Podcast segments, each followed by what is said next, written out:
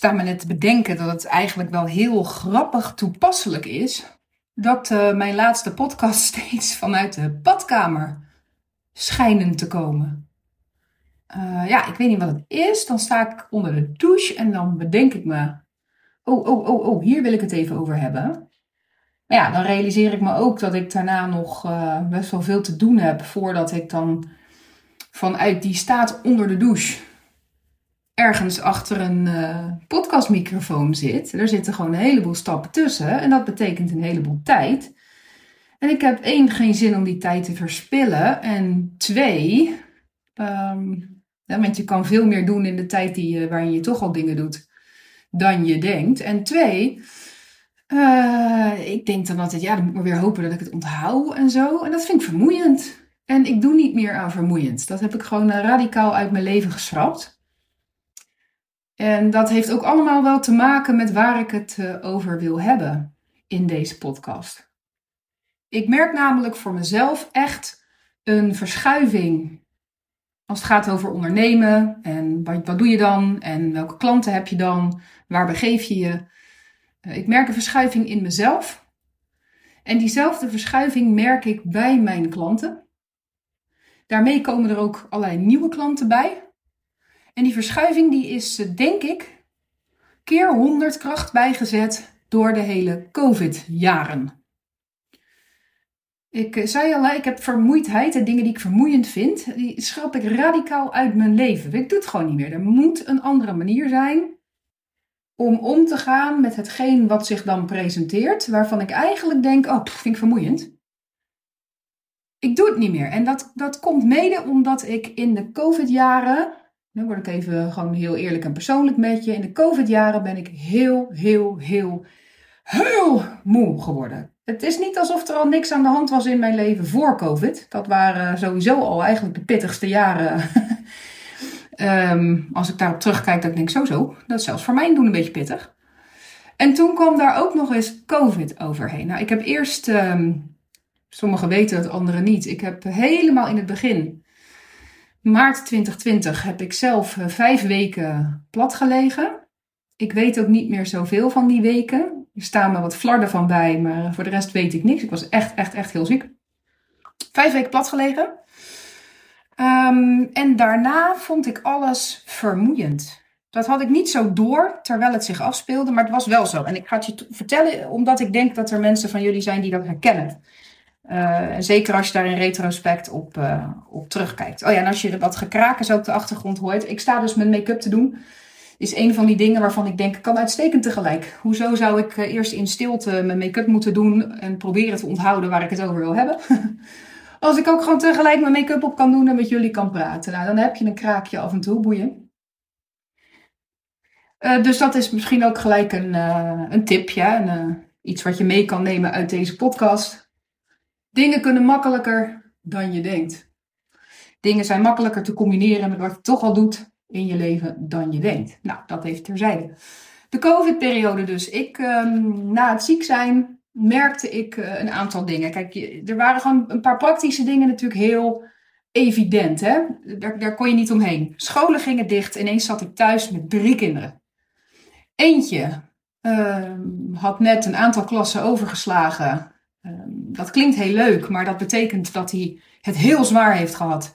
Want als je zoveel klassen gaat overslaan, betekent het dat je niet op je plek zit. Dus hij zat niet lekker in zijn vel, niet op zijn plek, werd niet echt gezien en begrepen, werd al helemaal niet begrepen door zijn leeftijdsgenootjes. En pas toen hij als um, achtjarige doorschoof naar groep 7 en een paar weken later naar groep 8, uh, kwam hij tussen de kinderen te zitten waar hij mee kon praten. Dat was al een beetje een opluchting, maar toen kwam COVID. Dus ineens uh, zat hij thuis en had hij weer die aansluiting niet. En was het allemaal onzeker en bovendien gevaarlijk, hè? want oh jee, oh jee. Uh, we konden elkaar allemaal ziek maken. En nou, dat was, dat was heftig. Althans, zo heb ik het ervaren en gezien bij, uh, bij mijn kinderen. Voor hen was dat heftig, dat ze dachten, ja shit. Dus, dus als ik iets verkeerd doe, als ik met een vriendje speel of zo, kan ik mensen ziek maken dat ze doodgaan? Jongens, dat, dat hadden we natuurlijk met z'n allen nooit op de schouders van jonge kinderen mogen leggen. Maar dat is even een ander verhaal en daar wil ik uh, het niet over hebben in deze podcast. Ehm, maar ik vond dat pittig. Dat was de oudste. Nou, bij de middelste en de jongste, bij de middelste ging dat uh, ongeveer net zo. Had het zwaar, kwam thuis te zitten, natuurlijk door, uh, door COVID. En de jongste, die, uh, die werd vier. Doordat ik ziek was, miste ik zijn verjaardag. Dat vond ik, uh, dat vond ik ook vermoeiend, vond ik ook heftig. Maar hij was dus op de leeftijd dat hij echt naar school moest. Omdat dat hij die uitdaging nodig had, omdat hij die omgeving nodig had en met, met andere kinderen. Hij was gewoon toe. Ouders die kinderen hebben in die leeftijd of gehad hebben in die leeftijd, die zullen dat herkennen. Hij moest naar school en ineens kon dat niet, want de scholen waren dicht. Dus dat kwam allemaal op onze schouders, op mijn schouders. Um, ik was ook uh, vlak daarvoor gescheiden, dus daar zat ik uh, met mijn kinderen. En ik kon dat natuurlijk helemaal niet, niet afvangen. Ik kan niet tegelijk moeder zijn, school zijn, de sociale omgeving zijn, uh, de, de sportclub zijn. Ik kan niet alles tegelijk zijn, maar dat werd ineens wel van me verwacht. Ik vond het vermoeiend. En ik merkte dat uh, in de staat waar ik in zat, had ik niet de mogelijkheid om in mezelf, ik kon hem niet vinden, om dat minder vermoeiend te maken. En ik zeg dat bewust, want ik denk namelijk echt wel dat dat kan en misschien ook wel had gekund. Maar voor mij was dit uh, gewoon de route zoals die liep. Ik vond het vermoeiend. Ik had ook nog te maken met, uh, wat ik, waar ik nog steeds wel mee te maken heb, zijn wat fysieke klachten. En dat bagatelliseer ik dan enorm. Maar ik, ik loop al een aantal daar ook voor ziekenhuis in, ziekenhuis uit. En ja, ik heb ook de hele alternatieve uh, scene al gezien. Van acupunctuur tot homeopathie, tot body stress release. Tot, nou, ik kan zo een heel rijtje opnoemen, jongens. Echt, ik heb allemaal al gezien. In ieder geval, ik vond het vermoeiend. Ik dacht zo zo. Dit zijn een hoop pittige dingen tegelijk. Ik vond het vermoeiend. En pas nadat, uh, even fast forward, nadat de wereld weer, uh, zeg maar weer open ging. Eigenlijk toen pas merkte ik hoe vermoeiend ik het had gevonden. Dat, uh, op het moment zelf had ik het allemaal niet zo door. Het was ermee dealen en een beetje van week tot week. Steeds maar weer afwachten. Wat gebeurt er? Wat kan en mag er? Waar zijn we aan toe qua school? Qua, nou, van week tot week. En pas toen het allemaal weer een beetje open ging, merkte ik wat een impact dat op me had gehad en wat een roofbouw ik had gepleegd. Ik was echt stil komen te liggen. Ik had het gevoel dat het. Um, als ik er zo achteraf op terugkijk, dan denk ik dat het me overweldigd heeft. Um, dat ik daar niet op voorbereid was, niet um, zodanig mee om ben kunnen gaan dat het wat minder zijn weerslag op me heeft gehad. Dus dat is gewoon wat het is. Nou, deze podcast is niet bedoeld om te klagen, jongens. Echt niet. Ik, dit gaat een hele positieve kant op. Um, maar ik wil daar wel gewoon eerlijk in zijn, hè, wat voor jaren het zijn geweest. En ik denk namelijk ook echt dat er veel mensen zijn die zich daarin zullen herkennen. Dus um, voor alle mensen die dat herkennen, kudos, respect. Ik zie je, ik zie je. Ik zie je waar je doorheen bent geweest. Ik zie wat dat voor een effect op je heeft gehad. Knap dat je nog rechtop staat. Want daar was ik dan wel echt wel heel trots op van mezelf. Niet alleen dat ik uh, daarna nog een soort van rechtop stond, maar ook dat mijn onderneming is gegroeid in die jaren. Eerste jaar vernieten, dat was, dat was voor wow. Maar daarna ga ik schakelen. Dan ga ik schakelen en dat heb ik gedaan. En vervolgens is mijn onderneming alleen maar gaan groeien. Nou zie ik wel in dat dat schakelen en dat groeien, dat ik dat gedaan heb in die staat van wat overweldigd zijn. Uh, en dus ook veel wilskracht heb gedaan. En dan kom ik op die vermoeidheid.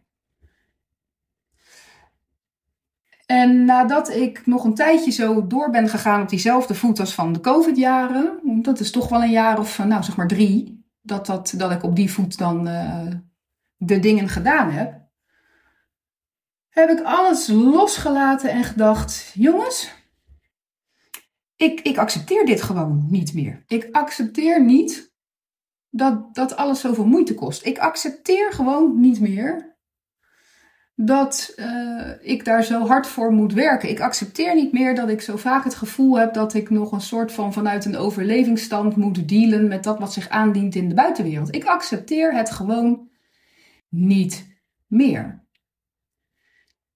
Ja, dat, dat klinkt uh, als een beslissing van de een op de andere dag. Dat is natuurlijk niet. Ik kan nu wel zien dat ik daar jaren naartoe heb gewerkt.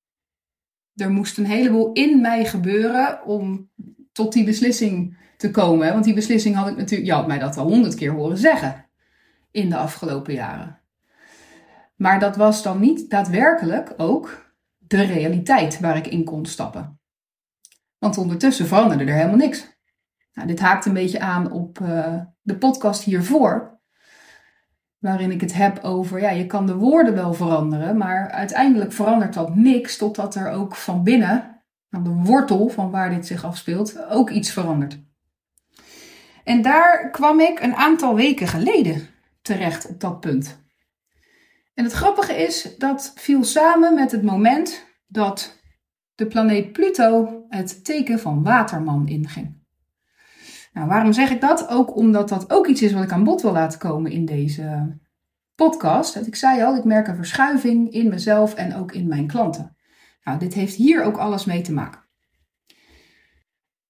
Pluto die Aquarius inging, dat verraadt dat ik een uitermate spiritueel mens ben. Dat klopt.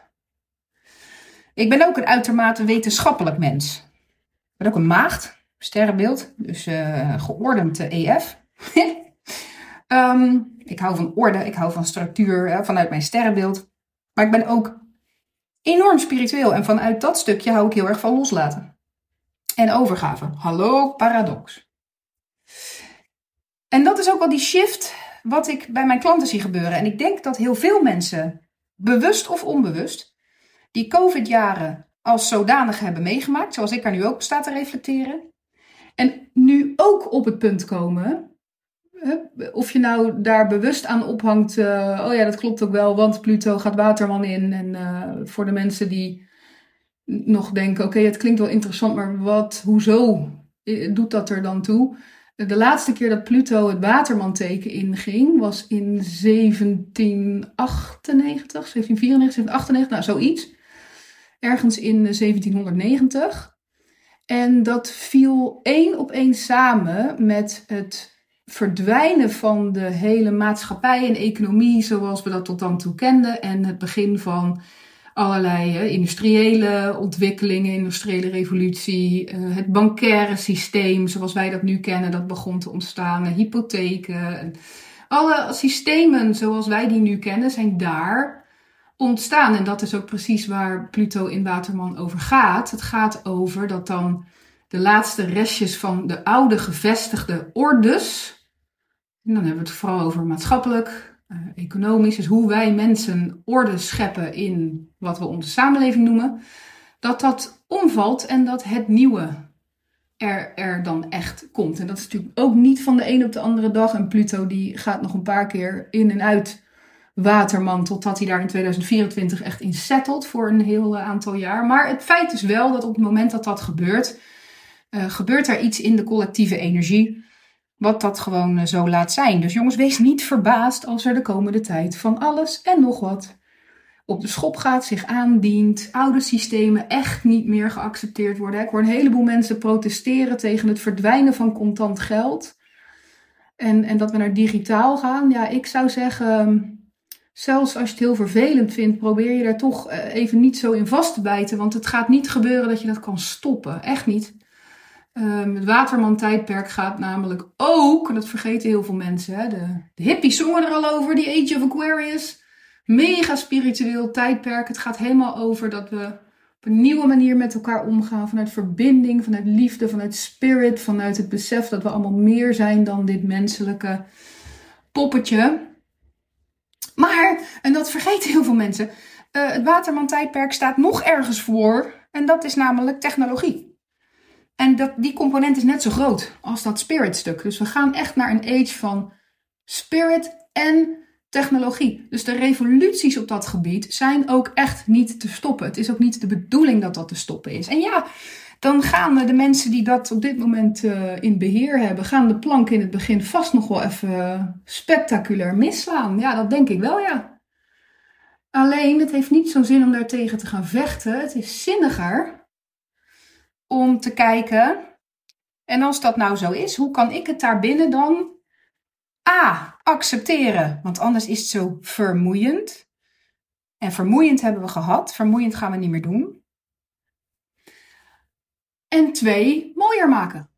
Want als je hier bent in deze tijd, en je bent je er ook nog bewust van, van wat zich aan het gebeuren is in deze tijd, dan heb je iets te doen. Anders was je hier nu niet, hè, op dit moment. Dan heb je er iets in te brengen. En nou komt die shift. Ik heb, er, ik heb al eigenlijk heel veel ingeleid op die shift. Er zijn heel veel componentjes die daarmee te maken hebben. Maar here's de catch. Ik zie mensen die zeggen: Ik ben me daar bewust van. En ik heb wat te doen. En dus ga ik me afzonderen van de huidige maatschappij. Ga ik op een soort eilandje zitten met allemaal mensen die het ook snappen. En wij trekken ons terug uit die maatschappij en we gaan het op een nieuwe manier doen met elkaar. En wij zijn de pioniers, de voorlopers van de nieuwe tijd. Uh, kijk ons eens hier uh, op onze nieuwe manier een samenleving uh, indelen. En dat is de bedoeling. Ja, en dan radical honesty. Ik geloof dat dus niet. Ik geloof helemaal niet dat dat de bedoeling is. Uh, ik geloof dat het heel erg de bedoeling is dat we het heel erg doen in de maatschappij waarin we nu staan. En dat we het van binnenuit veranderen. Want heel eerlijk, hè, de mensen die ik zich dan eh, zie terugtrekken en zeggen: Kom, wij doen het heel nieuw. Ik zie ze iets heel ouds doen. Iets heel ouds. Die, die proberen een soort terug te gaan naar, naar, naar tijden waarin. Uh, die we al gehad hebben in onze evolutie. Een beetje ruilhandel en zo. Dat, dat hebben we al gehad. Ik geloof niet dat er zoiets is als teruggaan.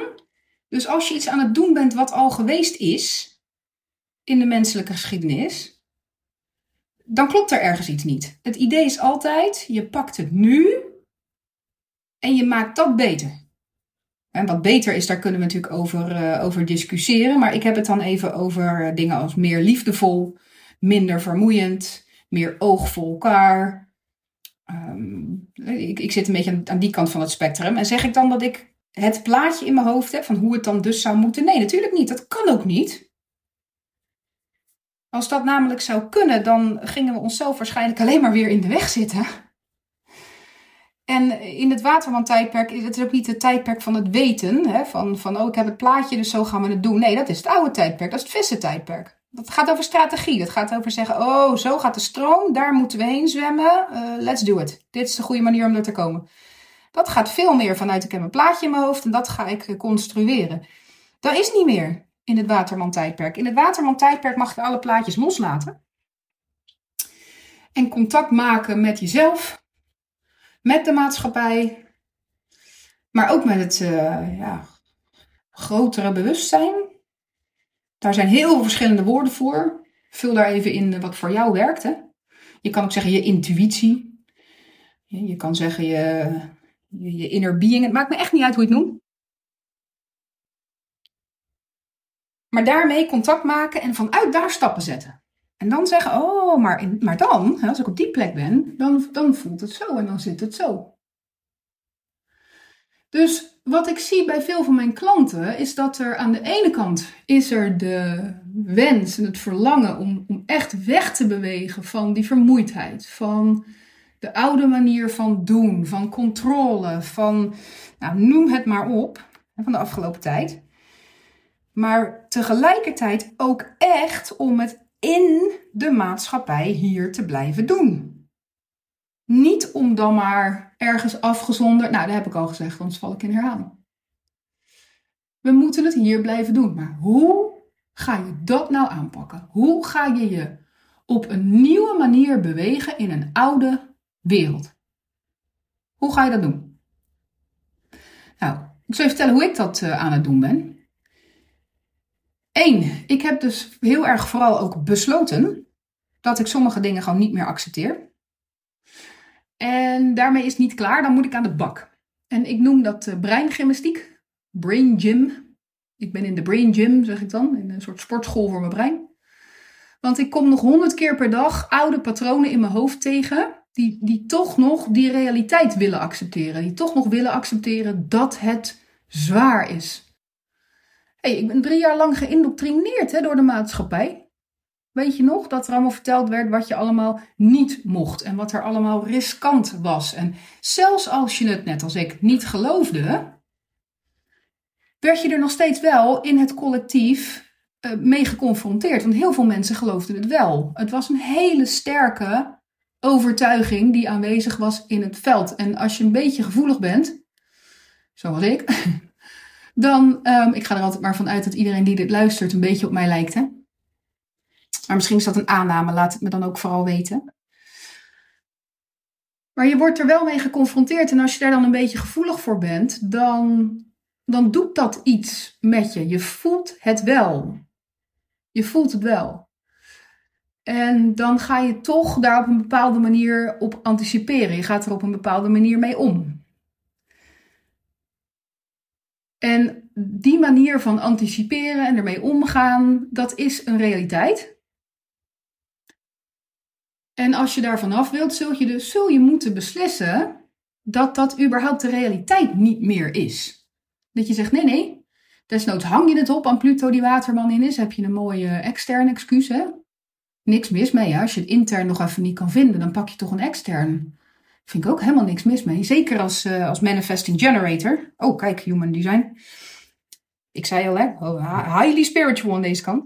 Um, maar een manifesting generator die gaat niet zo goed op dat het allemaal van binnenuit moet komen. Echt niet. Als wij als manifesting generators op de bank gaan zitten, wachten totdat uh, we van binnenuit voelen wat er gaat gebeuren, ja, dan kan je wachten tot Sint-Juttemus, hè? En dat wil niet zeggen dat we niet in contact staan met ons uh, innerlijk. Nee, dit is gewoon een soort uh, opmaak in je DNA die zegt, joh, als je naar iets externs kijkt, als in een soort spiegel kijk je dan, dan weet je direct hoe het bij jou intern zit. Dat is wat het is. Dus als ik iets externs aan het doen ben en ik kijk om me heen en ik denk, zo, dit is ellendig, dan weet ik glashelder hoe ik het wel wil.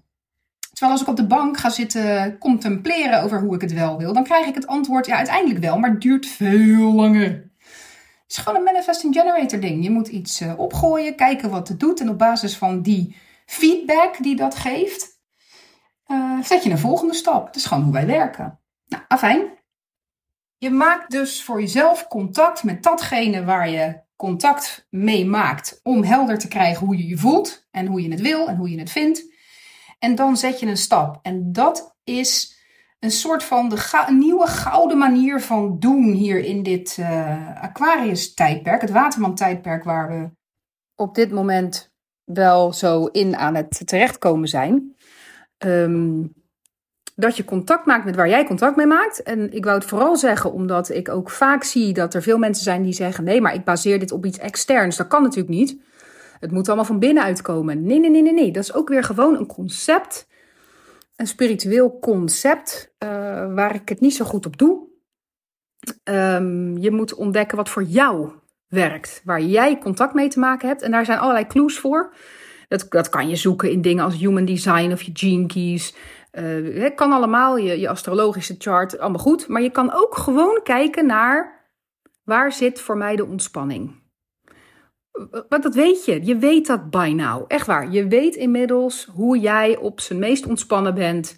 Uh, hoe jij het lekkerst werkt enzovoort. Dat weet je. En het is volledig gerechtvaardigd om gewoon daarop te varen. Daar maak je contact mee, dan kijk je wat voor stap je wil zetten. En we doen het hier in deze wereld. Nou, ik voor mezelf doe dat niet alleen. Ik ben weer op zoek gegaan naar een nieuwe coach. En een van de belangrijkste dingen die ik zocht, zoek, zocht, want ik heb er een gevonden, in een coach is dat die mij aan kan op alle vlakken waarop ik functioneer. En dat is en dat hele wetenschappelijke, analyserende, um, het ondernemende. Ik wil ook gewoon echt, ik wil het ik wil het zo groot maken als ik het maken kan hier. Ik heb wel het gevoel dat ik, net als wat ik tegen jou zei, als je hier bent en je hebt dat bewustzijn erop zitten in, in dit tijdperk, dan heb je waarschijnlijk wat te doen. Ja, ik voel dat ook zo. Ik heb hier wel wat te doen. En ik wil dat zo goed mogelijk kunnen doen. Um, en met zo goed mogelijk bedoel ik twee dingen. Eén is dat ik daar echt zoveel mogelijk mee kan geven. En of dat hem nou zit in heel veel mensen helpen of een aantal mensen heel goed helpen, of dat maakt allemaal helemaal niet uit. Maar ik wil dat ik zoveel mogelijk kan geven van wat ik te geven heb aan de wereld. En eh, goed doen betekent voor mij ook dat ik dat wil doen op een manier die voor mij werkt. Dat het mij in mijn absolute zone of genius zet en dus in de meeste ontspannenheid die ik kan vinden uh, enzovoort. Die twee dingen moeten wat mij betreft in balans zijn. En er zijn niet zoveel coaches die mij aankunnen op al die vlakken die ik meeneem. Dus dat ik en dat dat hyperspirituele kan hebben, maar dat ik het ook echt hier wil doen in de wereld. Bij veel coaches die net wat meer naar het spirituele hangen, kom ik te vaak tegen dat het draait op concepten en dat die concepten ook vaak worden misbruikt. Ik zal een voorbeeld noemen. Uh, als ik mensen van gedachten hoor veranderen, dat ze iets hebben gezegd en daarna gaan ze iets anders doen en dan zeggen ze, want ik heb een download gehad. Ja, dit is een snoeihard oordeel, sorry daarvoor. Um, ik, ik, ik, ik, nee, ik wil niet oordelen, dat is niet hoe ik erin zit. En, het gaat ook zeker niet over iets persoonlijks dan. Hè. Ik val deze mensen persoonlijk niet af, absoluut niet. Maar ik kan gewoon echt niks met zulke terminologie. Ja, ik heb een download gehad. Nee, je hebt gewoon iets geprobeerd. Je komt erachter dat het niet werkt en nu doe je een pivot. Draai je bij. En zeg je, oh nee, dat werkte niet, we gaan het toch zo doen. Het voelt dan een beetje alsof het spirituele soms wordt gebruikt als een excuus om niet gewoon mens te mogen zijn. En, en fouten te maken, van gedachten te veranderen, dingen uit te proberen en uh, te oordelen. Hè? Het voelt soms als zo'n excuus voor mij. En ik, ik kan niet werken met een coach die te veel de dingen vanuit daar benadert. Want ik heb gewoon gemerkt, dan gebeurt er in de buitenwereld voor mij te weinig. Dan groeit mijn onderneming niet hard genoeg. En daar, dat wil ik ook. Dat wil ik ook. Maar coaches die te veel naar alleen maar het business stuk gaan, um, daar mis ik toch vaak dat ze mij ook kunnen hebben op die visie die ik heb van in welk tijdperk zijn we nou beland. En wat vind ik belangrijk om daarin dus mee te nemen in mijn bewustzijn? Waar wil ik het ook openlijk over kunnen hebben? Ik wil kunnen zeggen, de energie klopt hier niet, dus er is iets mis. Ja, en dan moet een coach niet zeggen, ja jammer, zet maar opzij, want we gaan alleen maar even kijken naar cijfers of zoiets, ik zeg nu maar wat. Dan moet een coach kunnen zeggen, oké, ehm, nou, ze moeten mij daarop aankunnen. En, en dan de juiste vragen kunnen stellen. En dan kunnen zeggen: oké, maar hoe gaan we daar dan nu naar kijken? En, en waar gaat dit dan over? Hè? Eh, in het kader van waar willen we heen? Dat is, een, dat is een balans die je moet kunnen houden. Nou, ik denk dat ik nu iemand gevonden heb die dat kan. Als je dit luistert, hoi Suus. en we zijn officieel gewoon niet begonnen als ik dit opneem. Uh, onze officiële start is pas morgen als ik dit zit op te nemen. Gaan we morgen echt starten. Maar uh, ik heb er al uh, in het korte even meegemaakt. En ja, de dingen die zij zegt zijn spot on. Ik hou daarvan. Ik hou daarvan. Dus ik zoek dan een coach die mij aan kan. En um, dat zijn er gewoon niet zoveel op dit moment. En ik denk dat mensen die dit luisteren, dat je een beetje hetzelfde hebt. Althans, dat hoop ik. Ik hoop dat je het niet in je eentje gaat zitten doen. Um, ik doe dat ook niet. Ik ken ook niemand die uh, werkelijk aan het doen is wat ze te doen hebben. Die zeggen: Ik heb iets te brengen en ik wil dat doen op de manier die past bij dit nieuwe tijdperk. Dus vanuit verbinding, vanuit liefde.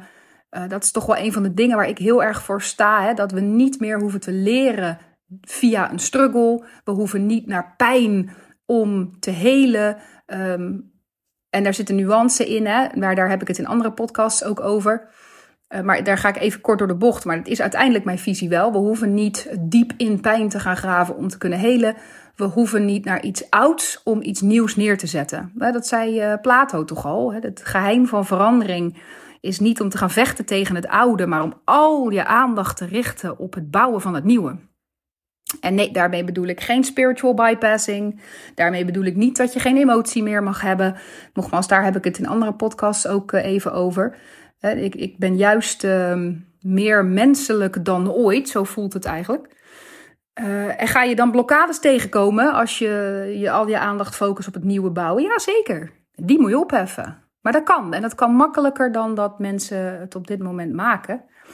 En dat heeft ook weer te maken met je besluit? Met je besluit om het anders te willen doen. Uh, in mijn geval, ik besluit gewoon dat ik geen dingen meer ga doen die vermoeiend voelen. Of die ik vermoeiend vind. Doe ik gewoon niet meer. Uit mijn realiteit. Nieuwe, nieuwe realiteit.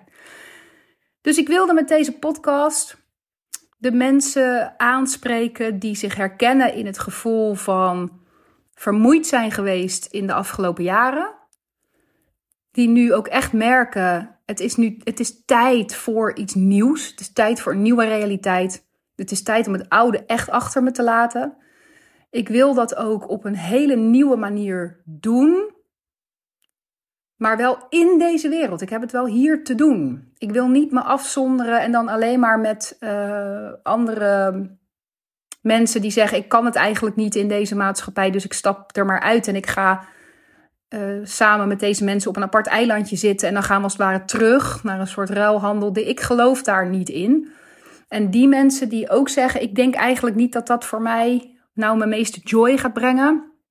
Die wilde ik met deze podcast uh, nou, iets geven waar je hopelijk weer wat mee kunt. Dat weer wat aanzet in jezelf. Misschien ook wel op het vlak van zelfvertrouwen en vertrouwen in dat je de dingen goed ziet. Hè, voor jou goed ziet. Want goed is bij mij geen waardeoordeel. Goed, als ik zeg goed, dan bedoel ik gewoon kloppend voor jou. Zodat jij kan geven wat je te geven hebt, kan bijdragen wat je bij te dragen hebt. En jezelf echt kan ontplooien tot degene die jij voelt die, dat je bedoeld bent te zijn. Want ik denk dat als je aan het eind van de rit één van die componenten mist, dat je dan toch een beetje spijt gaat krijgen. Ehm, als je super succesvol bent geworden, maar je had, hebt dan het gevoel aan het eind van ja, maar ben ik nou wel echt ontwikkeld tot degene die ik had kunnen zijn? Heb ik mijn volle potentie eruit gehaald? En dat is niet zo, dan denk ik dat je een beetje baalt. Maar ook andersom, als je jezelf helemaal ontwikkeld hebt tot degene die je bedoeld bent te zijn, maar je hebt dat niet kunnen vertalen naar iets concreets in deze wereld, waarmee je in het hier en nu aan het bijdragen bent en kunt zeggen: Kijk, I did that. Ik denk dat je dan ook een beetje spijt krijgt. Dus ik hoop dat deze podcast weer wat dingen in je heeft aangezet, dat vuurtje heeft aangewakkerd om die beide dingen te willen zijn. Je misschien ook wat inzichten heeft gegeven op het, uh, oh ja, ik mag het zo doen, want dat werkt voor mij. Uh, en als jij nou ook op het punt staat dat je denkt, maar ik wil dat niet alleen doen. En de dingen die ik zeg, daar je denkt, ik heb daar wat aan. Dan uh, kom ik heel graag met je in gesprek. Dan zou ik heel graag eens met je kletsen. En gewoon kijken of ik daarin mogelijk iets voor je kan betekenen. Um, want we, ja, we doen dit niet alleen. Ik doe het niet alleen en uh, ik gun dat de rest ook, dat je het niet alleen gaat zitten doen. Dus als je uh, zin hebt om een gesprek aan te gaan, gewoon alleen maar dat, hè? gewoon even gesprek aangaan met elkaar, verbinding maken. Uh, reageer dan vooral even op deze podcast. In de show notes staan allerlei manieren waarop dat kan. Je kan me een DM sturen op Facebook, op Instagram. Je kan me een e-mail sturen. Komt allemaal goed. En laten we dan even kletsen. Dat was een vernieuwde podcast over een shift die ik zie. Dus in mezelf, een nieuwe realiteit waar ik in ben gestapt. Ik breek heel bewust met het oude. Ik doe mijn brain gym. Dat zodra iets weer terug wil naar oude denkpatronen, dat ik zeg: nee, dat is gewoon, dat hoort niet meer bij deze realiteit. Ik ga het niet meer doen. Dat is, dat is trainen, dat is een spier. Daarom noem ik het brain gym. En over um, de shift in, eh, in wat ik zie bij mijn klanten ook. Dat veel mensen echt op die nieuwe tijdlijn willen stappen. Het echt op die nieuwe manier willen doen, maar wel in deze wereld. Want ik geloof heel erg dat we het wel hier te doen hebben in deze maatschappij. Met alle ontwikkelingen die er gaande zijn, alle technologische ontwikkelingen die er gaande zijn. Het is uitdagend, maar ik geloof erin dat jij en ik dat kunnen. Alright, dankjewel voor nu en uh, ik hoor je graag de volgende keer weer. Doei doei!